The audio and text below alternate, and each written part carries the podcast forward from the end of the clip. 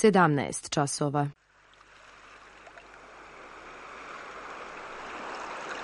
Radio Televizija Srbije. Radio Beograd 2.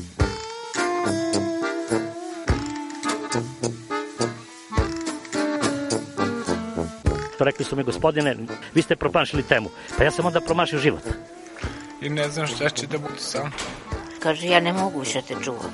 Šta da ti radi, kaže, snađi se kako znaš. Mi smo kao u kafesu. Za nas to je najmrtvo. To je mrtvo za nas, naročito. Ja bih željela neko da me usvoji. Da bih željela. Govori da bih te video. Program dokumentarnog zvuka.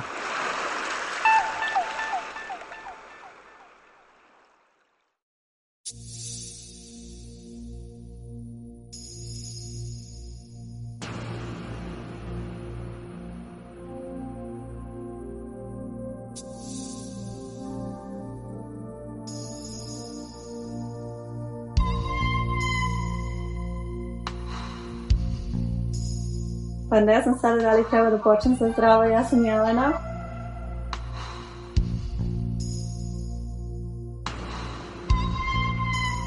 Trenutno boravim na Havajima na Mauiju, posljednje tri godine.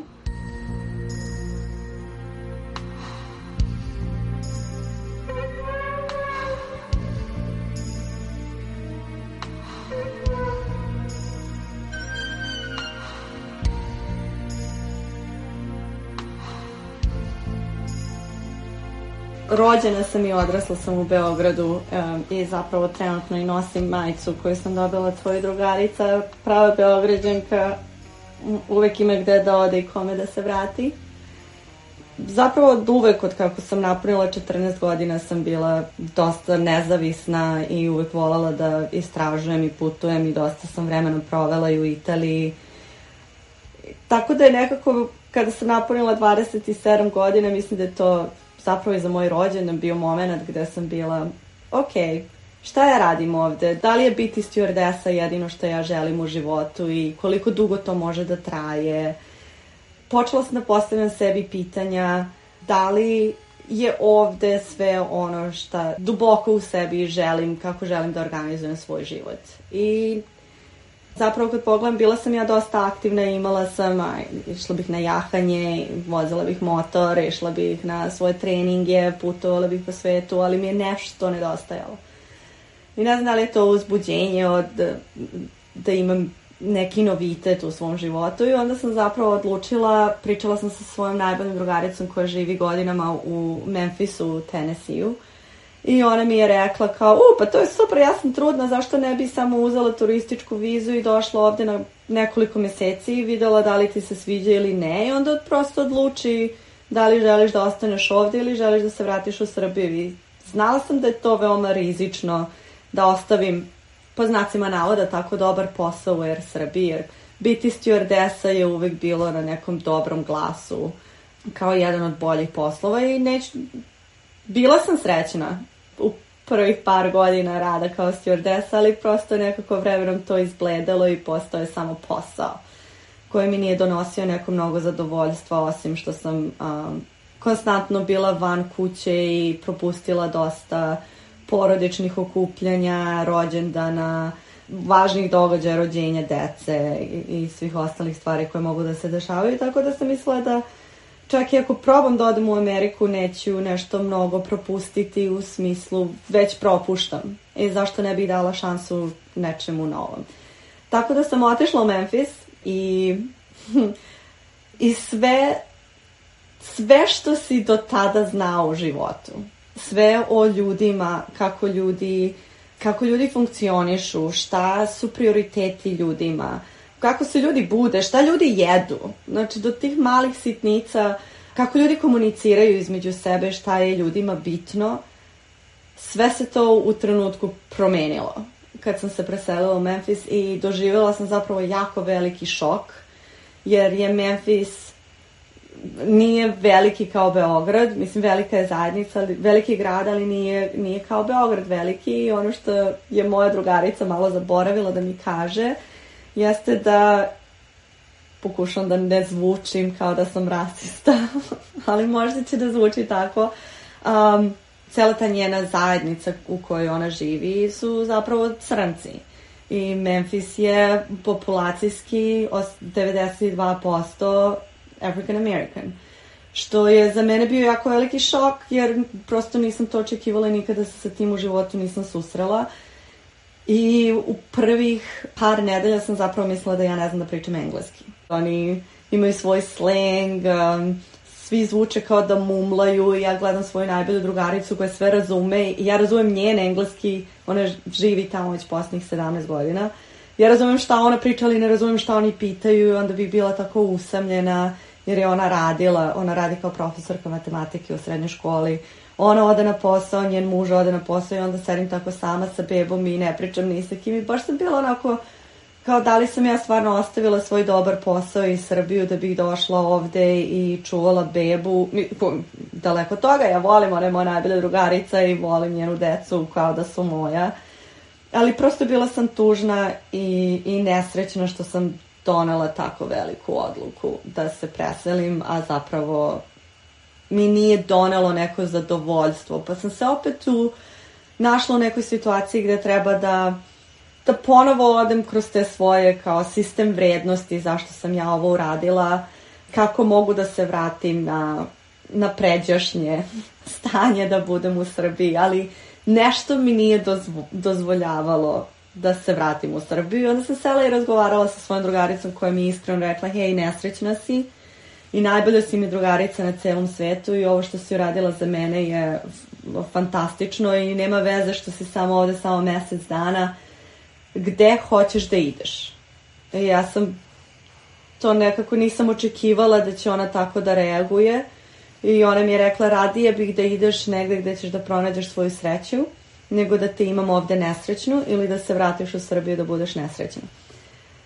zato smo valjda i dalje najbolje drugarice I ja sam nekako ono, bez veze rekla New York.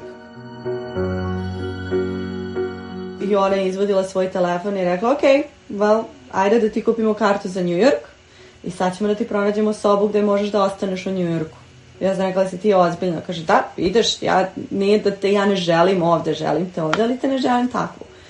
Ja sam rekla, ok, ona je meni za 5 dana pronašla stan sa cimerkom u kojoj ja mogu da živim i kupila mi je kartu da mogu da se, da odem u New York. I rekla je kako će da mi plaća i moj telefon i, i da mi pomogne dogod se ja ne snađem. Ja sam se tako preselila u New York i nikada neću zaboraviti kada sam sletala u New York sa svim svojim stvarima i nisam znala gde idem, ni koja je ulica, ni New York je ogroman, ogroman, ogroman i može da bude jako uplašite, uplašite svi ti ljudi kad ih vidiš kako čekaju subway, kako svi izgledaju kao da znaju gde idu, a ti jadno da, ono, došla nijotkuda, došla iz Srbije, pa onda otišla u Memphis, pa se tu nisi ne snašla, nego nisam se uklopila i sad sam u Njujorku sama. I po, konačno sam tako pola noći pronašla taj stan gde živim i sve to što je ta devojka okačila na tom sajtu gde se iznajmljuju stanovi je bilo totalno, o moj bože. Um, stan je zapravo bio jedna velika soba koju je ona ugradila sa zavesama i krevet je bio bolnički krevet i nije bilo kuhinje i imala je 14 mački u stanu i bilo je užasno I ja sam nekako izdržala da ostanem tu šest meseci. Uopšte ne znam, ne znam ni kako, ni, nikada, niko od mojih prijatelja nikada nije ušao u taj stan i ja sam bila, i ja sam čak pokušavala ono što manje vremena da provedem tu. I tu noć sam onako sedela opet sama u Njujorku, u tom stanu, u Queensu, koji je ono miljama. Znaš, kad zamišljaš New York, svi zamišljaju Central Park, zgrade, uh, noćni život, što je sve došlo posle nekog vremena, ali ta prva noć mi nikada neće izaći iz glave koliko sam opet sa svim tim nedoumicama da li sam napravila dobru odluku da napustim Srbiju, da li sam napravila dobru, dobru odluku da napustim svoju najbolju drugaricu i dođem ovde i sad sam sa ovom ludom devojkom koja mi je pritom rekla ja bih rado, rado da izađem da te upoznam, ali imala sam operaciju uh, uh, i moram da ležim u krevetu. Ja tu devojku za šest meseci nikada u životu nisam videla. I mi smo živjeli u sobi koja je bila ograđena zavesama, samo da ponovim, nikada za šest meseci ja nisam videla njeno lice.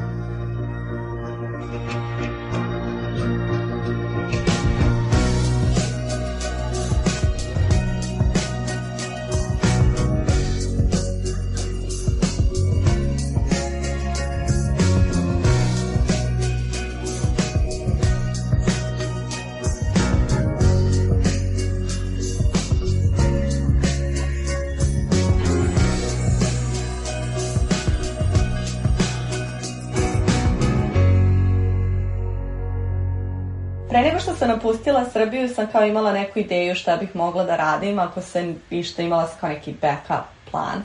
Tako da sam završila internacionalnu evropsku školu da budem personalni trener. I onda sam kontaktirala jednu teretanu tamo i ispostavilo se da je menadžer Srbin. I ja sam se samo pojavila i rekla, hej, ja sam završila ovu školu, i htela bih da radim kao lični trener, ali opet došla sam u Ameriku bez papira. Ispostavilo se da svi ljudi koji rade u toj teretani su Srbi ili pasanci i nekako sam se super uklopila tu, ali nekako nikada, uvek sam bila kao moram u prvih šest meseci sam imala neki a, iznos novca u svojoj glavi koji želim da zaradim da bih se osjećala konforno. I u tih prvih šest meseci sam radila u teretani i onda sam našla jevrejsku catering kompaniju da radim eventove kao događaje, samo služiš hranu i to je bilo wow. Uh, opet, nikada se u Beogradu ili u svom odrastanju nisam susrela sa jevrejima i njihovom zajednicom i kako oni funkcionišu. Niti želim sada da kažem a, ništa loše o, o njima, ali njihove svadbe i sve ono što gledamo na američkim filmovima kad ih stavljaju gore na stolice i kako igraju, sve to istina i na jako su dobrom glasu i mnogo, žive mo, mnogo visoke živote. Oni servere i svi koji im a, služe hranu i koji im organizuju smatraju kao nižom rasom. Tako da bi se na tim događajima a, često dešavalo da te gađaju hranom i da ti prosipaju namerno hranu na pod da moraš da čistiš i da im a, da budeš na kolenima isto tako te, pošto znaju da si ilegalno, e, i tu sam isto upoznala dosta Srba, Hrvata, Crnogoraca, svi ljudi koji zapravo ne mogu da pronađu dobre poslove i koji moraju da rade te niže staleške poslove na tom jevrajskom cateringu i plaćali bi te jako malo za sve što radiš i baš je bilo, baš je bilo teško.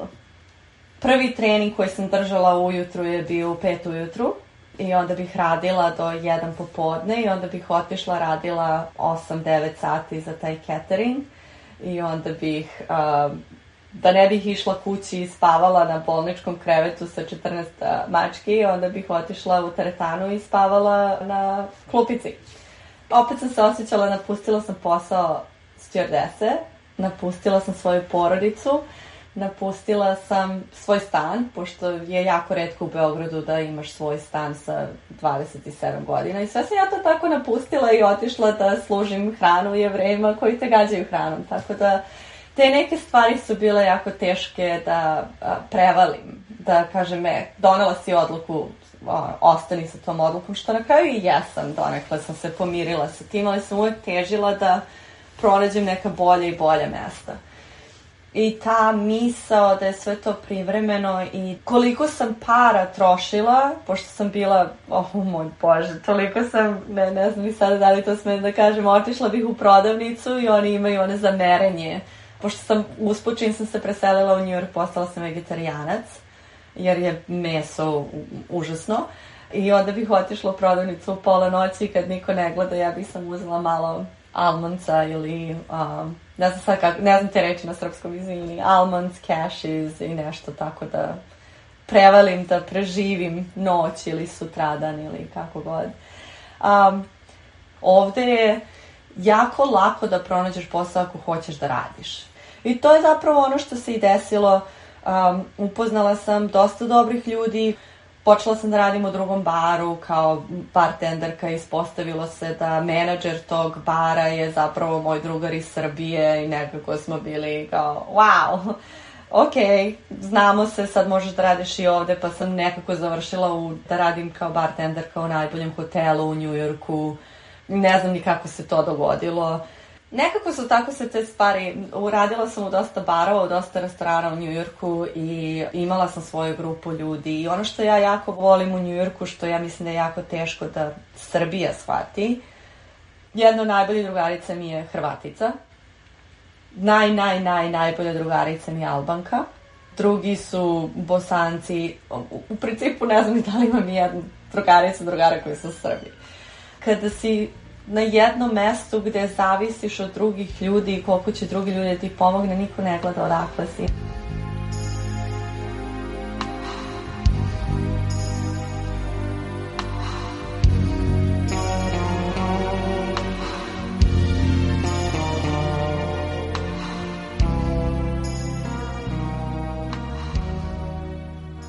najveća briga je bila što nikada nisam bila puno plaćeni radnik zbog mog imigracijenog statusa.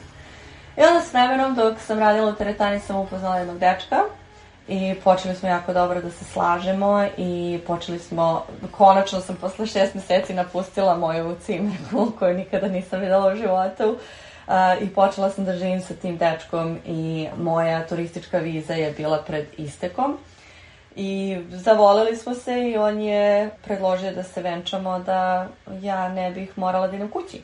I tako da sam i zbog njega nekako ostala i to mi je dosta pomoglo. Nije trajalo, nažalost, ali sam izgurala da svojim snagama i radom imam dovoljno para da platim advokata koji će da mi pomogne da dobijem dokumenta i konačno postanem legalna, što je za tu um, radnu vizu mi je trebalo godinu i po dana.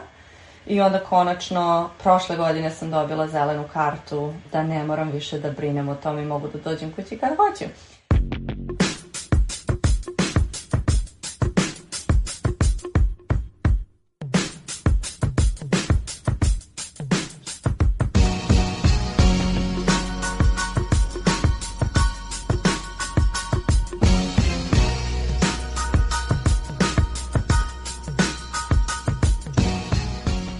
živela sam sa tim dečkom 3-4 meseca i onda je on upao neke nevalje sa svojim nekim privatnim stvarima i malo je izgubio konekciju sa realnošću i imali smo veliku svađu koju je mene izbacio iz kuće u 4 ujutru u Bronxu koji nije ni imalo, nije bezbedno mesto da budeš u, u 4 ujutru kao ženska osoba sam.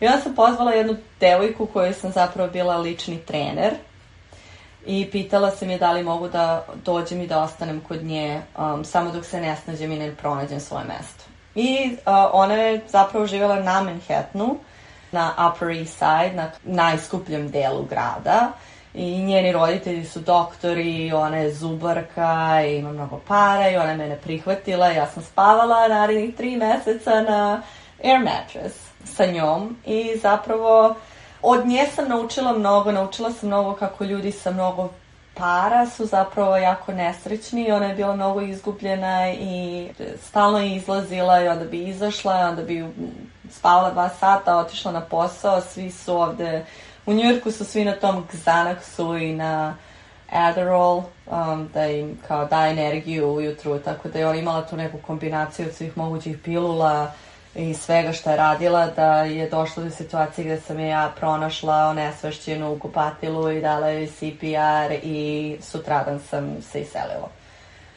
Jer je ona baš bila u haosu i pozvala sam njene roditelje da dođu iz Bostona i da joj pomognu jer sam ja znala da ja ne mogu i da imam svoje stvari sa kojima ja treba da se borim Bila sam za nju tu koliko god sam mogla, ali je došla do te neke granice gde ako se išta desi, ja ću da budem odgovorna, a ja nemam ni jedan jedini dokument da mogu sebe da opravdam zašto ja spavam na podu kod nje u stanu. Tako da sam se preselila i otišla sam da živim kod jednog drugara koga sam upoznala u baru koji je bio iz Teksasa i ostala sam kod njega samo 2-3 dana i konačno sam pronašla svoje mesto na Manhattanu i onda sam radila u jednom restoranu, a, preselila sam se na Preside, East sam u jako, jako dobrom kraju a, i srećom. A, živela sam sa dva cimera, od kojih je jedan imao devojku pa nikada nije bio kod kuće, a ovaj drugi je a, gay i bukvalno smo živeli život kao iz Friends kao iz one a, serije Friends. I stvarno sam u tom Poslednjih godinu dana svojih u Njujorku sam bila presrećna. A, imala sam dobar posao, radila sam šta sam želela, čak sam dobila i ponudu da radim kao personalni trener u Equinoxu koja je jedna od najboljih a, e, teretani u celoj Americi.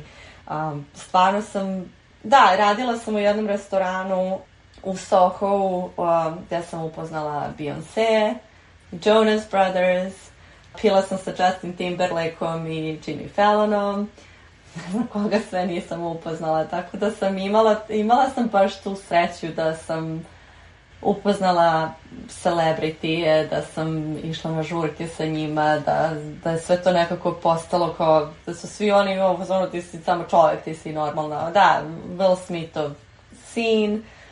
Imala sam baš neke super trenutke. onda je u decembru 2019. je počela da kruži priča o, o COVID-u.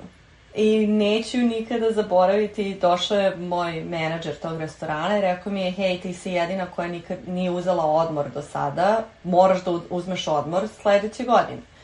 Ja sam došla do te table u kancelariji i pogledala svima odmore i jedina nedelja gde bih ja mogla da uzmem odmor je bio mart 16.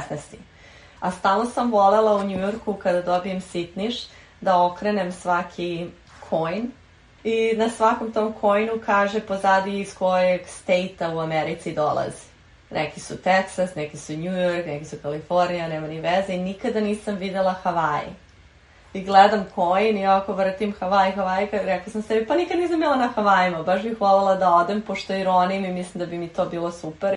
I kako sam rekla Havaj, tako je meni moj telefon počeo samo da izbacuje Maui. Havaja ima pet oficijalnih ostrva na kojima ljudi žive, ali nikada mi nije izbacio taj Waikiki, ta fancy mesta. Bacio mi samo Maui. I ja kažem, ok, pa onda idem na Maui. I ja sam tako bukirala sebi za a, badnje veče kartu za Maui. Ja sam zapravo bila u avionu u marta 16. kada su oni proglasili pandemiju i lockdown. Ja nisam ni znala šta se dešava. I ja sam sletala na, Hava, na Maui i jedva sam pronašla gde treba da iznajmim auto i vozim onako nema nikoga. Bogula nema automobila, nema ljudi i onako vozim i organizovala sam sebi neki smeštaj preko Airbnb-a jer možda ovako nikad nisam bila, možda ovako i treba da bude, nemam pojma. Ja sam došla do tog Airbnb-a i žena koja je izdavala je rođena Havajka, rođena je na Maui, odrasla je na Maui, ona mi je rekla kao po pa dušo, stvarno je bila jako fina što nikako meni sada u Njujorku kako su ljudi vrlo brzi da ti odgovore, ona je bila tako fina i prijatna i rekla mi je pa verovatno će tebi Airbnb da vrati novac ako želiš da ideš kući. I ja stojim i kažem pa ja ne znam ni šta se dešava i onda je ona meni objasnila šta se dešava i ja kažem ok, jel mogu ja da ronim? I ona kaže pa mislim ok, je otvoren, mislim da možeš. I ja sam imala svo svoje opreme. Kažem, pa mogu da rolim, mogu ja da surfujem? Kaže, pa imaš ovde, imam ja neke svoje surf boards, možeš da pozajmiš ako hoćeš. A mogu ja da idem da hajkujem sama? Jer ako možeš. I onda sam ja tako rešila da ostanem. I ona me jako zavolala. Ona je meni pokazala celo ostrvo. Ona je mene svugde vodila sa njom. Naučila me kako da surfujem, išla sam na ronjenje, išli smo zajedno. Ona ima 62 godine sada i nekako mi je postala kao mama i provele smo, trebala sam da ostanem samo 8 dana i sedmog dana sam rekla, meni se ne ide kući. I ona rekla, pa ostani. Kaže, mi svakako nemamo goste, nema nikoga, niko neće doći, niko neće otići. Tako da sam ja ostala još mesec dana više nego što sam originalno trebala da ostanem na Havajima sa njom. I onda me Cimer iz Njujorka pozvao i rekao, hej, ja tebe stvarno volim i ja sam mnogo srećan što se ti zabavljaš tamo i što ono, dok mi ovde patimo u Njujorku i ne možemo da idemo ni da kupimo hranu ni ništa, ti imaš ono the time of your life, ali ti imaš i kuće kao, jel možeš da se vratiš? I onda sam ja rekla da ću da se vratim zbog kučeta i čim sam se vratila u Njujork sam osetila da ja ne mogu da budem više u Njujorku i da meni Havaji nedostaju. I ta ženica me zapravo zvala svakog, moja porodica iz Srbije me nije zvala toliko često koliko je ona mene često zvala da me pita kada ću da se vratim. I ono što veruju na Havajima jeste da će Havaji ili da te pozovu da dođeš i ako si loš čovek, okenće da ti ispljuni i da te vrati odakle si došao. Tako da cela ta moja priča o tom coinu koji sam ja našla, havajski, koji dalje čuvam, mislim da ste da mene malo i pozvao da dođem i da se preselim ovde i nekako trenutno živim u jako velikoj kući koju ne znam, mal, mali uh, bog ili koji god bog uh, mi je podario sa predivnim ljudima. Radim predivan posao. Uh, uvek sam, počela sam da ronim pre 11 godina ili možda čak i više u Crnoj Gori. I nikada neću zaboraviti svoj prvi zaron u moru gde sam gledala svog, to se zove scuba dive instruktor i gledam u njega koji nama objašnjava kako treba da radimo stvari i tada sam rekla ja hoću da radim ono što on radi. I kada sam se preselila na Maui, a, pronašla sam instruktora koji me je napravio profesionalcem, pošto je to tako kao he made me a professional i počela sam da radim na brodu kao instruktor ronjenja i svaki dan vodim ljude i pokazujem im u okeanu sve ono što ja volim da vidim i sve ono što je jedinstveno za Havaje. Čak i ljudi koji ovde žive i rone preko 30 godina nisu imali podvodna iskustva koje sam ja imala. Pa sam a, na dobrom glasu ovde da sam a, gypsy, i da mogu da pozovem a, životinje da dođu kada ih želim. Imala sam iskustvo gde sam zaronila u jako plitku vodu, imala sam devet kitova koji su me zamalo pregazili pod vodom, da tako kažem, ali se to dešava jednom u milijun. A, da plivam sa kitovima svaki drugi, treći dan, ajkule su mi manje više najbolji drugari, raže, različite vrste raža, imam svoje, čak se ponekad i, ne ponekad, svaki dan zapravo imam svoju uh, ribu za koju verujem da mi je dečko. I kada zaronim, odem da kažem zdravo svom dečku i onda me ta ribica prati ovaj, dok ne odem predaleko i se vrati i čeka me tu gde, gde se me pokupila i svaki dan tako. Najveći kompliment koji sam dobila kada sam se vratila u Srbiju pre godinu i po dana je da hodam drugačije da nisam stegnuta, da mi je telo mnogo opuštenije, da se mnogo više smejem. Ovde ljudi ustaju 4.30 ujutru i trče, um, surfuju, uh, voze rolere, porodice sa decom su um, mnogo više vremena, pro, mnogo više kvalitetnog vremena provode zajedno i Mao je zaista postao dom dom. I naravno Maui kao i bilo koje drugo mesto na svetu gde god da živiš imaš dobro vreme i imaš nešto što se dešava što nije uvek baš najbolje, ali volim da kažem da je nečiji najbolji dan nije bolji od mog najlošijeg dana ovde.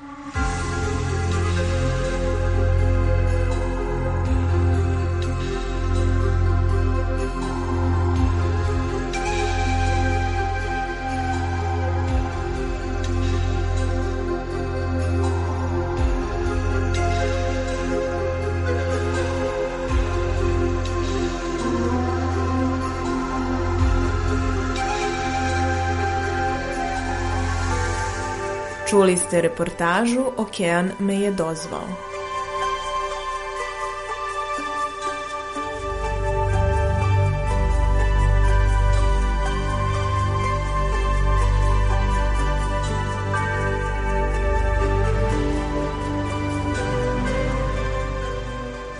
Govorila Jelena Mišković. Autor Milena Radić.